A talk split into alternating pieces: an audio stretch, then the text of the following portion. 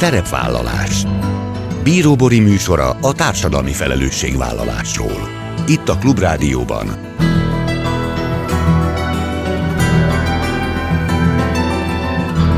Szerepvállalás. Jó napot kívánok, Bíró Bori köszönti Önöket. Adásainkban hétről hétre példákat hozunk arra, hogy egy-egy cég vagy intézmény, netán magánszemély, milyen formában, milyen eszközökkel járul hozzá anyagi gondok, társadalmi problémák orvoslásához, az életminőség javításához, a fenntartható fejlődéshez. Így módon is kifejezve, hogy felelősséget érez azért a környezetért, amelyben él és dolgozik. Egyike az első és legrangosabb társadalmi innovációs díjaknak Európában a Szociálmári pályázat, amelyet idén 18. alkalommal hirdetnek meg. Célja, hogy Közép- és Kelet-Európában népszerűsítse és támogassa a társadalmi innovációk ismertségét. Olyan sikeresen megvalósuló innovatív kezdeményezéseket jutalmaznak, amelyek korunk társadalmi kihívásaira keresnek és adnak választ. A pályázatra a civil, az üzleti és az állami szektor által megvalósított társadalmi hatású projekteket lehet nevezni 2022. január 18-áig. A részletekbe Tornóci Zsófia, a Szociálmári Magyarországi koordinátora avat be. Ahmed Somán egyiptomi norvég származású hallgató, eredeti végzettsége szerint olajmérnök. Jelenleg a budapesti EBS PHD hallgatója a University of Buckingham doktori képzésén. Kutatásában a nagy olajszolgáltató vállalatok CSR programjában rejlő hiányosságokkal foglalkozik. Somán a világ négy szegletébe látogatva, a kolumbiai dzsungeltől egy maláj szigeten át egy texasi ipari konferenciáig arra jutott, hogy a vállalatok társadalmi felelősségvállalási programjában nem tűnik prioritásnak a saját dolgozók helyzete. Sőt, a nagy olajszolgáltató vállalatok nem egyformán kezelik a fejlődő és a fejlett országokban dolgozó munkavállalóikat.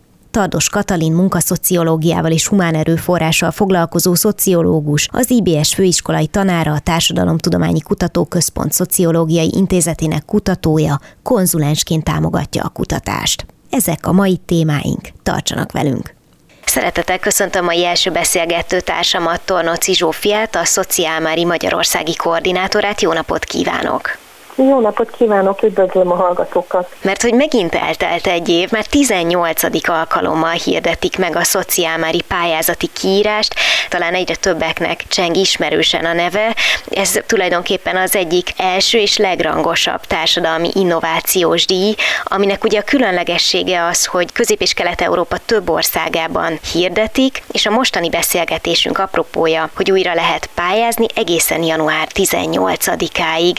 Van-e most az idei kiírásnak bármilyen különlegessége vagy apropója korábbi évekhez képest? Köszönöm én is a lehetőséget, és valóban nagyon gyorsan eltelik nekünk is egy év. Lassan-lassan úgy érezzük, hogy így végzünk egy körrel, és már nyitjuk a következőt, van egy kis nyári pihenőnk minden alkalommal, de hát mindig izgatottan várjuk a következő kört, hogy kik fognak pályázni.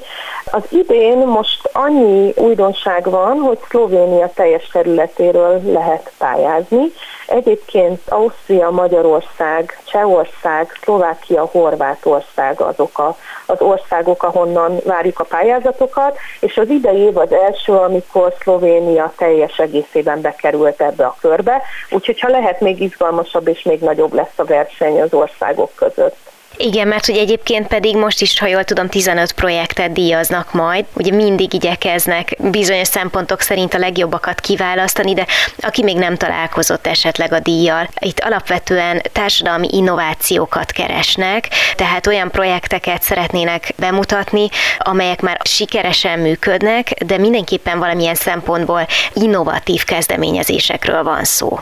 Valóban számunkra az a fontos, hogy minden alkalommal ezt megerősítsük, hogy ez nem egy klasszikus értelemben vett pályázat, amit Magyarországon jól ismernek, hát főként nyilván a civil szervezetek, amikor van egy jó ötletem, van egy pályázati kiírás, arra benyújtom az ötletemet, és hogyha az adományozó úgy gondolja, hogy ezt valóban érdemes megvalósítani, akkor támogat engem bizonyos pénzzel, és utána beszámolok róla, és megnézzük, hogy valóban úgy költöttem el a pénzt, ahogy a szerve volt véve. Itt más a helyzet, mert hogy a szociálmári az egy díj, amely a társadalmi innovációt díjazza ezekben az országokban, és mi inkább úgy fogjuk ezt fel, mint egy nevezés egy versenyre, ahol a következő évben jelölteket választunk ki, és Ami az értékelést illeti, a legfontosabb, hogy ennek a társadalmi innovációs kritériumrendszernek feleljenek meg a pályázatok. Ami azt jelenti, hogy nem csak szimplán egy társadalmi ügy, kérdés, kihívás elé állnak ezek a projektek, és azokat próbálják megoldani, vagy valamilyen különleges módszerrel állnak hozzá ehhez a kérdéshez, hanem azt is várjuk, hogy legyen benne valamiféle innováció. Ez mindig a, azt gondolom, hogy az a nehezebb kérdés a pályázók számára, hogy vajon elég innovatíve a, a projektjük. Ami talán még fontos, hogy ugye az valamennyi pályázatban közös, illetve hát a pályázati kiírás szerint mindenképpen meg kell annak a kritériumnak is felelni, hogy társadalmi kihívásokra keresik a választ. De hogy ugye említettem már ezt a kritériumrendszert, akkor azt javaslom, hogy kanyarodjunk rá, mert van négy olyan szempont, amit érdemes figyelembe venni, és szerintem mind a négy olyan, ami lehet, hogy egy pici magyarázatra is szorul. Ugye az első ilyen kritérium az az újszerűség. Igen, tehát, hogy egyrészt lehet innováció vagy újdonság egy olyan projekt is, amelyik egy olyan kihívásra reagál, amivel azelőtt nem találkoztunk még ilyen formában. Erre mondjuk most a koronavírus járvány egy jó példa, és látszik az is, hogy a tavalyi nyertesek között voltak olyan pályázatok, akik kifejezetten a koronavírussal összefüggésben lévő problémákra, kihívásokra kerestek választ. Például mondjuk olyan online rendszert kezdtek el működtetni, amit azelőtt nem. Az újdonság része, az újszerűség része a projektnek azonban lehet egészen más is. Lehet például egy olyan célcsoport, akivel eddig kevesebbet foglalkoztunk, vagy lehet egy olyan módszer, mondjuk egy olyan applikáció, amit azelőtt még nem használt egy adott projekt, amit még nem ismertünk, vagy mondjuk abban a környezetben nem használtuk még. Tehát, hogy olyan is előfordulhat, és ez azt gondolom, hogy ugyancsak fontos, hogy elképzelhető, hogy Például mondjuk Ausztriában van már olyan megvalósulás, van már olyan kezdeményezés, amit viszont még a mi országainkban, például Magyarországon vagy Szlovákiában még egyáltalán nem használtak, és hogyha egy ilyen környezetváltás történik, vagy például mondjuk egy szektorokon keresztüli váltás történik, egy olyan módszer, amit egyik szektorban használnak, de viszont egy másik szektorban, vagy egy másik közösségnél még nem volt használatban, az is lehet újdonság. Tehát, hogy az újszerűség az azt gondolom, hogy eléggé tág ilyen szempontból. A fontos az, hogy meg lehessen ezt magyarázni, és érthetővé lehessen tenni a zsűri számára, hogy miben újszerű, mi az innováció a projektben. Na most mennyire lehet megmagyarázni, leírni a következő kritériumot, ami a részvétel?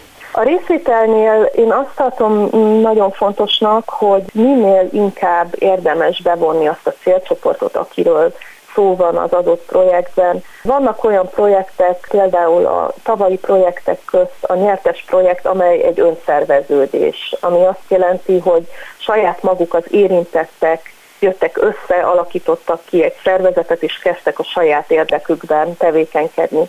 Itt azt érdemes végig gondolni, hogy valóban bevonjuk-e azt a célcsoportot, akivel foglalkozunk a kezdetektől a projektünkbe, valóban részt vesznek-e, megkérdezzük-e, látjuk-e az eredményeket, tehát hogy minél-minél inkább arra fókuszáljunk, hogy ők aktívan legyenek részei ennek a projektnek, vagy pedig akár ők legyenek a megvalósítók, ők legyenek azok, akik benyújtják a projektet. Köszönöm szépen, és akkor itt van a harmadik kritérium. Hát talán ez az egyik, amit mondjuk egy pályázati formában a legnehezebb lehet megmagyarázni, leírni, ez a hatás.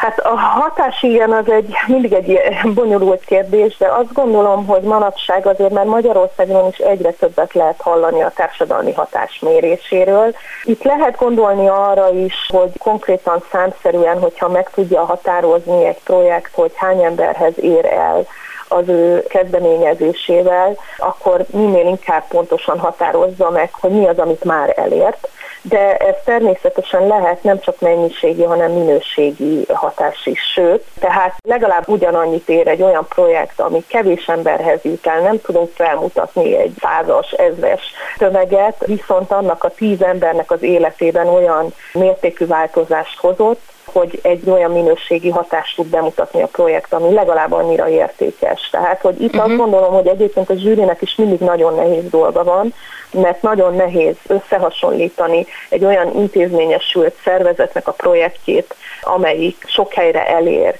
nagyon sok tevékenysége van, sok önkéntese van, nagyon sok számszerű hatást ér el, mondjuk egy olyan projekttel, amelyik csak egy-két éve működik, egy nagyon kreatív ötleten alapszik, és annak már mérhető hatása van, de nyilván nem ugyanolyan mértékű, mint egy régóta működő nagyobb szervezeté.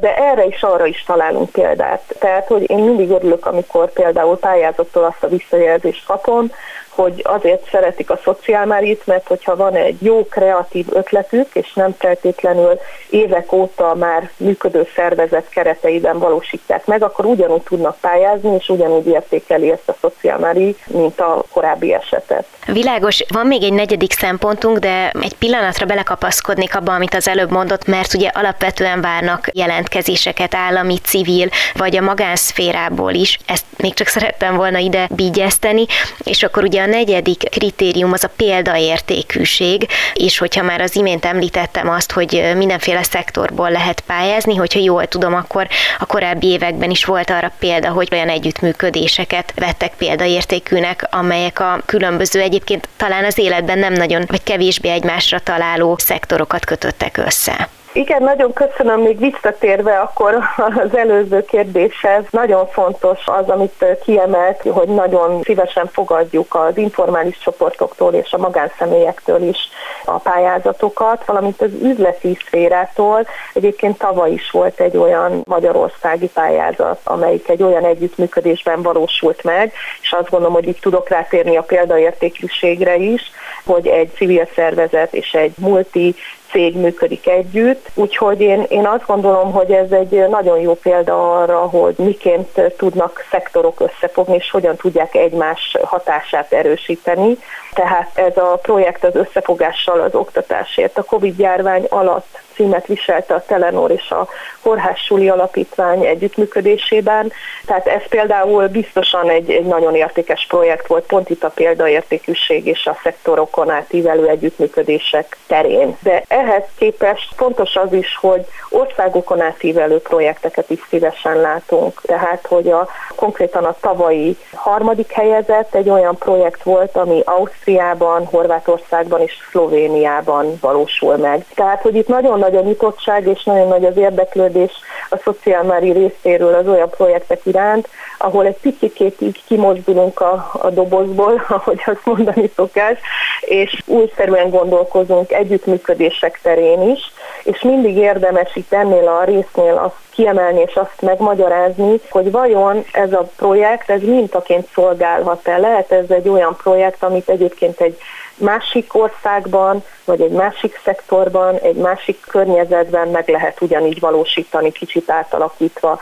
Mivel az a célunk, hogy a nyertes jelölt projektek kapcsolatba lehessenek egymással, hogy ezekből tanulni lehessen, a honlapunkon is olvashatóak a pályázatok, a projektek. Célunk pontosan az ezzel, hogy mások is elgondolkodjanak, és az itt megismerhető módszereket kipróbálhassák, alkalmazzák. Hogyha már a honlap, akkor gondolom, hogy a weboldalon minden hasznos információt a nevezéssel kapcsolatban el lehet olvasni. Én, amit most kiemelnék, az a január 18-a. Ez az a dátum, ameddig lehet nevezni, és nagyon köszönöm Tornóci Zsófiának, a Szociálmári Magyarországi koordinátorának, hogy elmondta a részleteket, és azt szoktuk ilyenkor mondani, hogy legkésőbb találkozunk újra, amikor már megvannak a nyertesek. Köszönöm szépen, és akkor sikeres pályázati időszakot kívánok! Nagyon szépen köszönöm viszontlátásra. Szerepvállalás. Vendégem Tardos Katalin, munkaszociológiával és humán erőforrással foglalkozó szociológus, a Társadalomtudományi Kutatóközpont Szociológiai Intézetének kutatója. Jó napot kívánok! Jó napot kívánok, üdvözlöm a hallgatókat! Egy nagyon izgalmas kutatásról fogunk beszélgetni. Egy egyiptomi norvég származású hallgató magyar hangja lesz most itt Katalin, mert hogy Ahmed Somán, aki végzettsége szerint olajmérnök, végzett egy izgalmas kutatást, amelynek a konzulense Katalin volt. Nagy olajszolgáltató vállalatok társadalmi felelősségvállalási programjában rejlő különböző hiányosságokkal foglalkozik. Talán induljunk el onnan, hogy miért izgalmas megnézni azt, hogy akár csak egy olajszolgáltató vállalat esetében a különböző országokban, legyen az fejlődő vagy fejlett ország, hogyan kezelik a munkavállalókat. Mert hogy alapvetően ugye erre fókuszált ez a kutatás. Így van, még annyit mielőtt válaszolnék a kérdésre, annyit mindenképpen szeretnék elmondani, hogy a kutatás az az IBS Nemzetközi Üzleti Főiskolának a PHD programjának a keretében zajlott, illetve az IBS-en zajlik a Buckinghami Egyetemnek a PHD programja, és ebben vett részt, illetve most fog végezni az Ahmed Sokman, akiről szó volt, akinek valóban a konzulense vagyok így már négy évet, Visszatérve a kérdésére, azt gondolom, hogy ez egy borzasztóan fontos kérdés, hogy mennyit tudunk arról, hogy különböző helyeken milyen színvonalú CSR társadalmi felelősség vállalás van, és hát hogyha kutatói szemmel nézünk erre rá, akkor azt látjuk, hogy sokkal-sokkal többet tudunk arról, hogy mit csinálnak a cégek a fejlett országokban. És nyilván az is nagyon-nagyon fontos, hogy ugye az elmúlt húsz évben rengeteget fejlődtek a cégek, meg a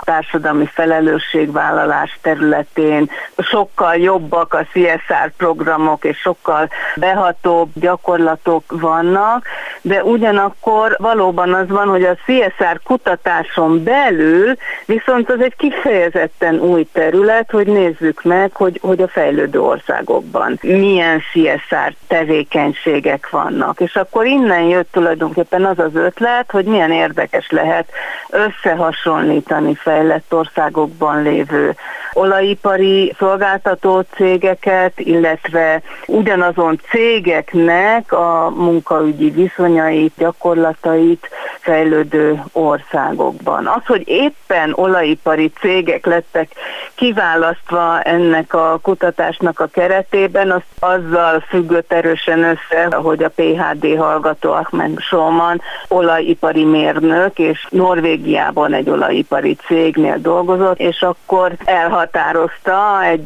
a karrierjének egy pontján, hogy akkor ezt a területet szeretné tényleg jobban megvizsgálni, és nagyon jól rátapintott egyrészt egy hiányzott területre, illetve a CSR-on belül a munkaügyi gyakorlatokról, tehát a munkavállalókkal kapcsolatos gyakorlatokról általában azért kevesebb információt tudhat meg a nagy közönség, tehát szerintem sokkal több információnk van arról, hogy környezetvédelem kapcsán milyen programjaik vannak a szervezeteknek, vagy a helyi közösséget, hogyan segítik a szervezetek.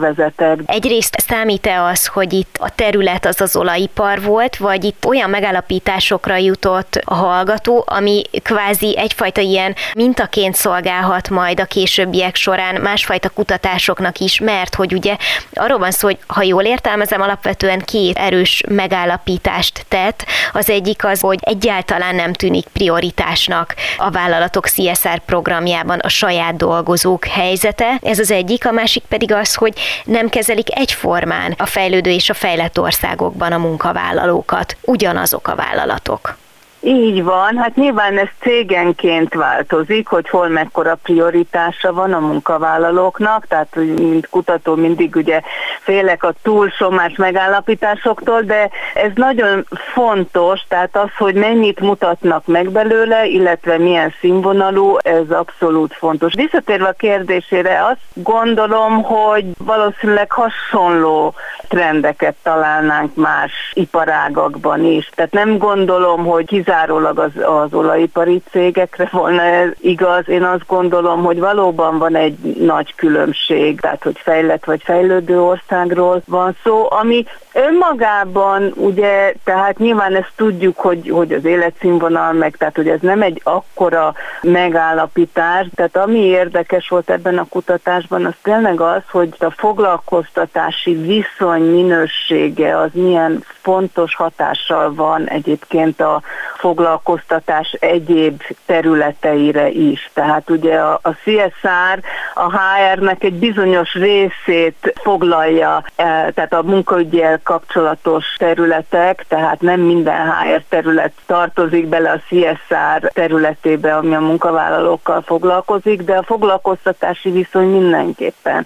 A diszkrimináció, esélyegyenlőség mindenképpen a munkakörülmények, a társadalmi párbeszéd szakszervezetek, a munkavédelem, ami az olajipar esetében borzasztóan fontos volt, a fejlődés, képzés területe, és hát a CSR-on belül ide tartozik a gyermekmunka, meg a kényszermunka is, amivel nem találkoztunk a kutatás során, tehát ez nem volt relevánsos itt ebben a kutatásban, de mindenképpen a, a CSR munkaügyi területéhez tartozik. A metódusról a... tudna egy picit mesélni, hogy egyrészt az, hogy konkrétan milyen országokban vizsgálódott Ahmed, illetve hogy hogyan, milyen módszerrel gyűjtötte az információt, illetve az adatokat?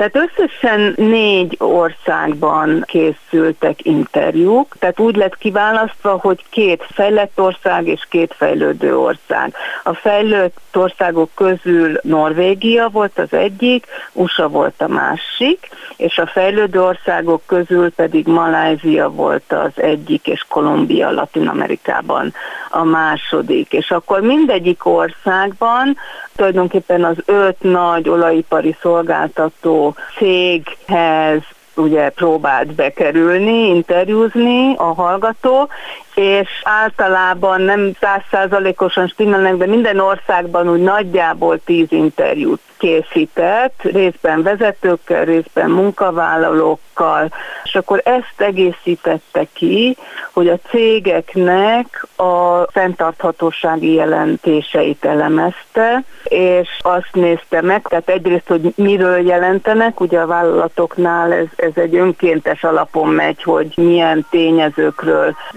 jelentenek a szervezetek. Amit ugye nyilvánosságra hoznak általában. Amit nyilvánosságra hoznak, tehát amely területeken transzparensen működnek, így van. És akkor ennek a, tehát tulajdonképpen másodlagos adatokat feldolgozó vizsgálatnak az lett az eredménye, hogy egyrészt legkevésbé a foglalkoztatási viszonyról jelentenek, de az is kiderült, hogy ország szinten, hogy a nagy cégeknek általában központi jelentéseik vannak, amiben vannak némi regionális adatok, de az, hogy mikor, hol, miről, ez, ez egy eléggé kiszámíthatatlan kérdés.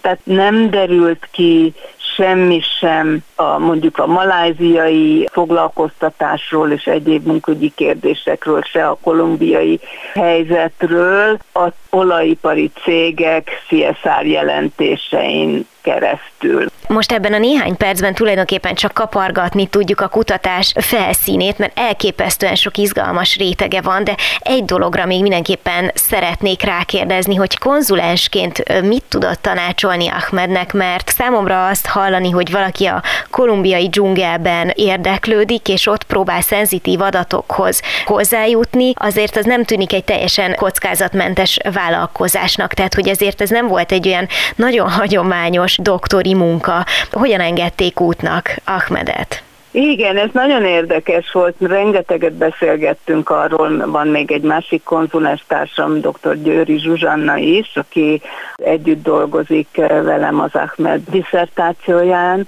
Nagyon sokat beszélgettünk arról, hogy mi legyen a stratégia, ugye, hogy hogyan közelítsük a vállalatokat. És első menetben a LinkedIn-en próbáltuk megkeresni a cégeket, és ott, ott próbált az Ahmed írni a vállalatoknak, és felvenni a kapcsolatokat, de az az igazság, hogy ez nem, nem vezetett sikerre. Tehát így formális módon megközelítve ajánlólevéllel, ennek ellenére, tehát nem lehetett bejutni, kifejezetten a CSR vezetőket céloztuk meg. Tehát tulajdonképpen ami segített, az az volt, hogy a hallgató egyrészt nagyon nagy terepismerete volt, tehát ő pontosan tudta, hogy hogy működnek a cégek, másrészt pedig egyszerűen olyan kezdeményező készsége volt, ami hát nem átlagos. Tehát miután eldöntöttük az országokat, az volt az érdekes, hogy vett egy repülőjegyet és elment Maláziába, arra a helyre, ahol a olajipari cégek egymáshoz közel működnek, és egész egyszerűen besétáltak. Hát ez nagyon bevállalós.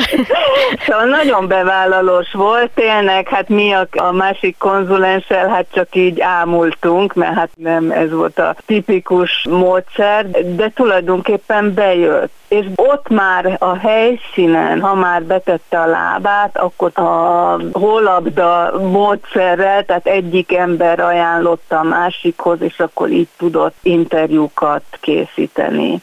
Nem tudom, hogy lesz-e folytatása, vagy lesz-e bármilyen további története ennek a doktori munkának, de minden esetre ez a pici bepillantás, amit adott, elképesztően izgalmas volt, és gondolom, hogy az ön szakmai pályafutása során is ez egy viszonylag extrém vagy különleges munka volt, és innen a távolból is gratulálunk Ahmed Sománnak. Az ő kutatásáról, illetve PhD dolgozatáról beszélgettünk Tardos Katalin munkaszociológiával és humán erőforrással foglalkozó szociológussal. Köszönöm szépen! Nagyon szépen köszönöm a lehetőséget. Viszont hallásra! Ennyi fért a mai műsorba, legközelebb jövő héten szombaton 18 órakor jelentkezem. Ha még nem tették, kövessenek minket közösségi oldalainkon, a Facebookon, az Instagramon és a YouTube-on. Ha bármiről lemaradtak volna, az adást pénteken 14 órakor ismételjük, de a Klubrádió weboldalán is vissza tudják keresni. És most már podcast formában is elérhető a szerepvállalás, keressék a Spotify, a Google és az Apple podcastek felületein, ahol bármikor meghallgatható a műsor. Köszönöm, hogy velem tartottak, további kellemes online rádiózást kívánok. Bíró Borit hallották. Szerepvállalás